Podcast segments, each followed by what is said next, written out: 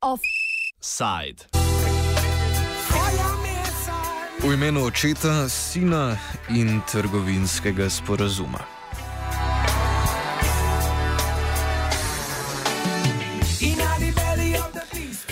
Sodišče Evropske unije je stopilo korak bliže željam kanadskih multinacionalnih investitorjev.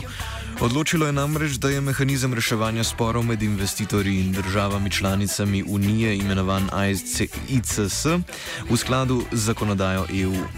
Mehanizem je sicer del celovitega ekonomskega in trgovinskega dogovora CETA med Kanado in Evropsko unijo, ki ga že dalj časa kritizira del javnosti in politikov. Sporazum naj bi namreč omogočal prevlado pravic lastnikov kapitala nad pravicami držav in državljanov. Na to je opozarjala Belgija, ko je septembra leta 2017 zahtevala presojo skladnosti dogovora s pravnim sistemom Evropske unije.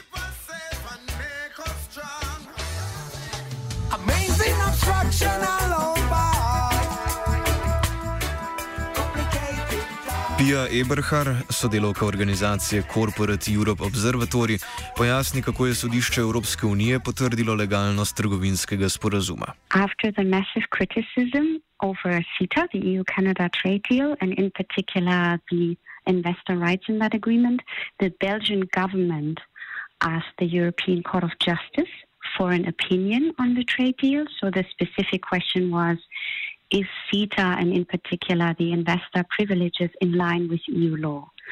And the European Court of Justice today ruled yes.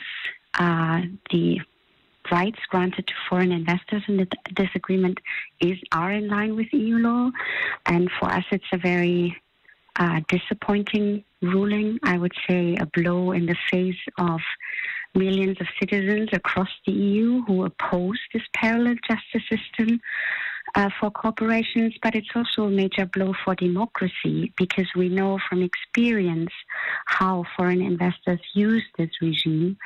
Um, and they basically use it to sue governments for a lot of taxpayer money, sometimes billions of euros. Um, over environmental regulations, public health decisions. So it's really a very powerful regime for corporations to get a lot of money just when governments basically do the right thing. Seveda, mehanizem ICS ni popolnoma nov koncept. Že pred njim je obstajal sistem, ki je reševal spore med investitorji in državami z malo daljšo kratico ISDS. Slednji je investitorjem omogočal tožbo držav, ki so s svojimi politikami in regulacijami investitorju nižale možnosti dobička. Sistem ne odloča o pravilnosti politik in regulacij držav, temveč o tem, ali je dobiček investitorja res nepravično zmanjšan zaradi državnih določil. Najpogosteje tožbe se nanašajo na regulacije vezane na varovanje okolja, ki onemogočajo maksimiziranje dobičkov investitorjev.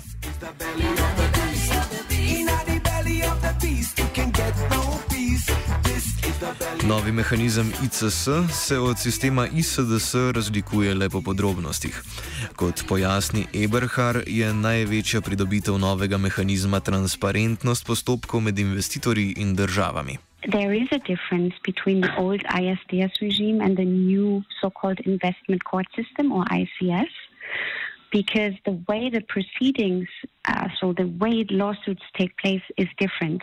For example, under ISDS, it is sometimes possible that the public does not even know about a case.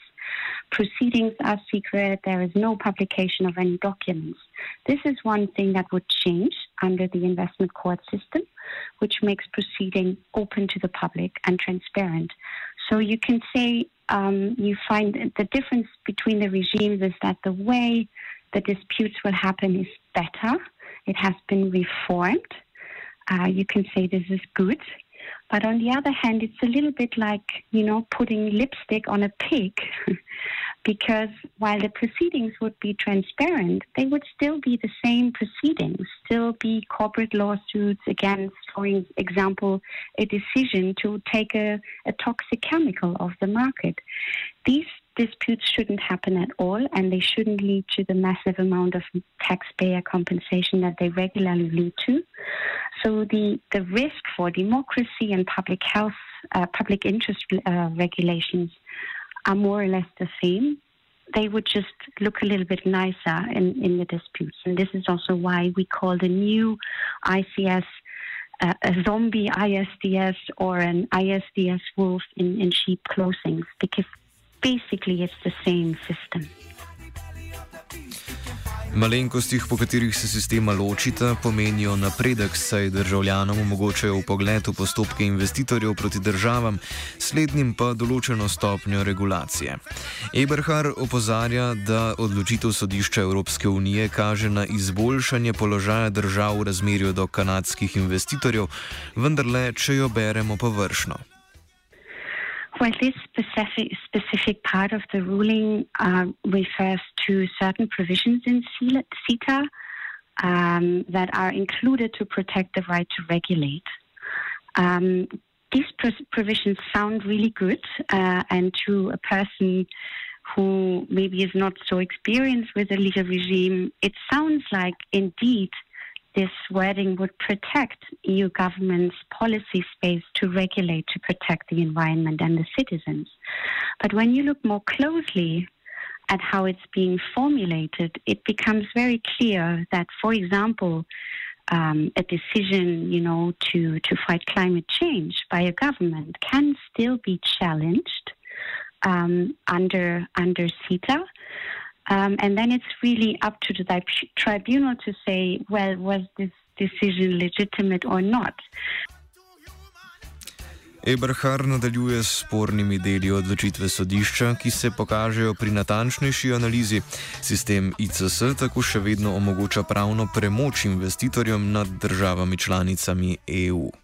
So while the right to regulate formulation might sound like we won't see the cases that we have seen in the in the past years, where corporations indeed attack uh, public health, uh, climate change, and environmental decisions, uh, we don't think uh, that this nice wordings will be enough to stop these attacks. So for us, um, the the ISDS regime remains as dangerous as it has been in the past.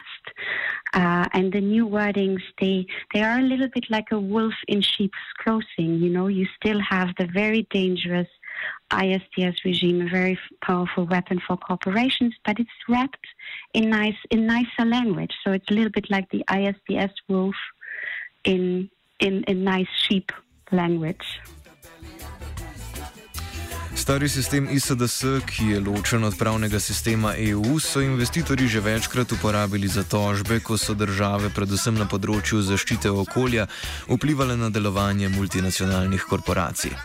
Novi mehanizem predvideva tudi možnost vzpostavitve usporednih sodišč, ki bodo pristojna zgolj za spore med multinacionalnimi investitorji in državami. Na ta način bo odpravljen tričlanski tribunal, ki zaenkrat razsoja med investitorji in državami. Eberhard na primeru tožbe švedskega podjetja Fatenfall proti Nemčiji pojasni, kako investitorji uveljavljajo svojo premoč in zakaj je usporedni pravni sistem nevaren. Uh, Germany has been sued twice uh, under ISDS agreements. In the first case, uh, the Swedish company Vattenfall sued Germany because um, a, a, city in Germany, Hamburg, decided to put stronger regula- environmental regulations on a coal-fired power plant. And Vattenfall says, well, this is against, you know, this will mean that we make less profits. um, and this, we feel we are not being treated fair and equitably. And just the fact that the lawsuit was filed put so much pressure on the government uh, the local government that they actually um, settled the case with Vattenfall. And part of the settlement was the relaxation of the environmental standards.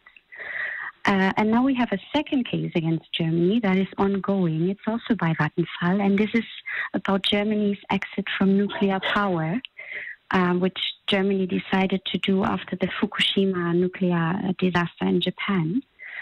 Um, and again, Vattenfall is saying, you know, the German government decision to phase out nuclear was is, is unfair treatment to them. So this case is ongoing. It's about six, more than six billion euros, so a lot of money even for a country of, like Germany. And it's it's it's sums of money that we would never see claimed, let alone awarded, uh, under national judicial systems, which which know a balance, you know, between the rights of an investor and broader societal interests like environmental protection. V luči današnje odločitve sodišča Evropske unije je zanimiv tudi primer z naslovom Ahmeja, ko je Zvezdno sodišče v Nemčiji leta 2016 odločilo v korist Republike Slovaške.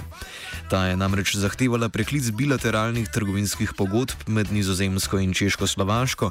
Pogodbe so leta 1991 z razpadom države na Češko in Slovaško prenehale veljati, a so se ohranile v razmerju med Nizozemsko in Slovaško. Opiše Eberhard. So the Achmea ruling is also a ruling by the European Court of Justice from spring last year. There, the question was a bit different. The question was Are ISDS treaties between EU member states illegal or not? These treaties exist between Western European uh, EU member states and Eastern European member states from the time where the Eastern Europeans, Slovenia for example, was not yet an EU member. And the court decided last year, indeed, that these agreements, it's around 200, should no longer exist because they violate, violate EU law. The reasoning that the court gave was that sometimes these disputes they touch upon questions of EU law um, but then it won't be an, a court, Slovenian or German or an EU court, deciding about the dispute, but a, but a private tribunal. And the European Court of Justice says this cannot be the case. The only institutions that should decide about the application of EU law are European courts. And this is why all these treaties will now, in 2019, indeed be terminate, terminated by the member states. Eberhard nadaljuje, da se današnja odločitev in odločitev v primeru Ahmeja razlikujeta v argumentaciji. And it is indeed a bit surprising that in the ruling today, uh, the, the court follows a completely different logic. Because when you think of a future investor claim by a Canadian uh, investor against, let's say, the government of Belgium, um, this can also touch upon issues of EU law or Belgian law, and then again, it won't be EU courts making the decision, but a, a tribunal of three international lawyers. So we were hoping that the court would actually make the same argument that it made last year, um, but unfortunately, it didn't. Kljub vsemu Pija Eberhard današnji offside zaključuje z optimizmom. Odločitev sodišča, da je sporazum CETA in mehanizem ICS znotraj njega v skladu s sodnim sistemom Evropske unije, namreč ne spremeni veliko. Številne države članice morajo namreč sporazum CETA še potrditi. I would say uh, for us it's important that uh, now the, the ball is back in the political arena in many countries, be they Germany or indeed Slovenia, because in these countries parliaments still need to ratify the CETA agreement, um, and they shouldn't. Uh, they shouldn't. There's no way to give foreign investors these extra rights. They have proven dangerous for the environment, for labor rights, for social issues and for democracy. So uh, we hope that now parliamentarians, after the court failed to do it, would stand up uh, to protect the interests of people um, and reject the ratification of the CETA agreement. Psi lajajo, kanadski kapital gre naprej. Z nevidno roko je ob pomoči Jošta offside napisal Virant. Oh. Oh. Oh. Offside.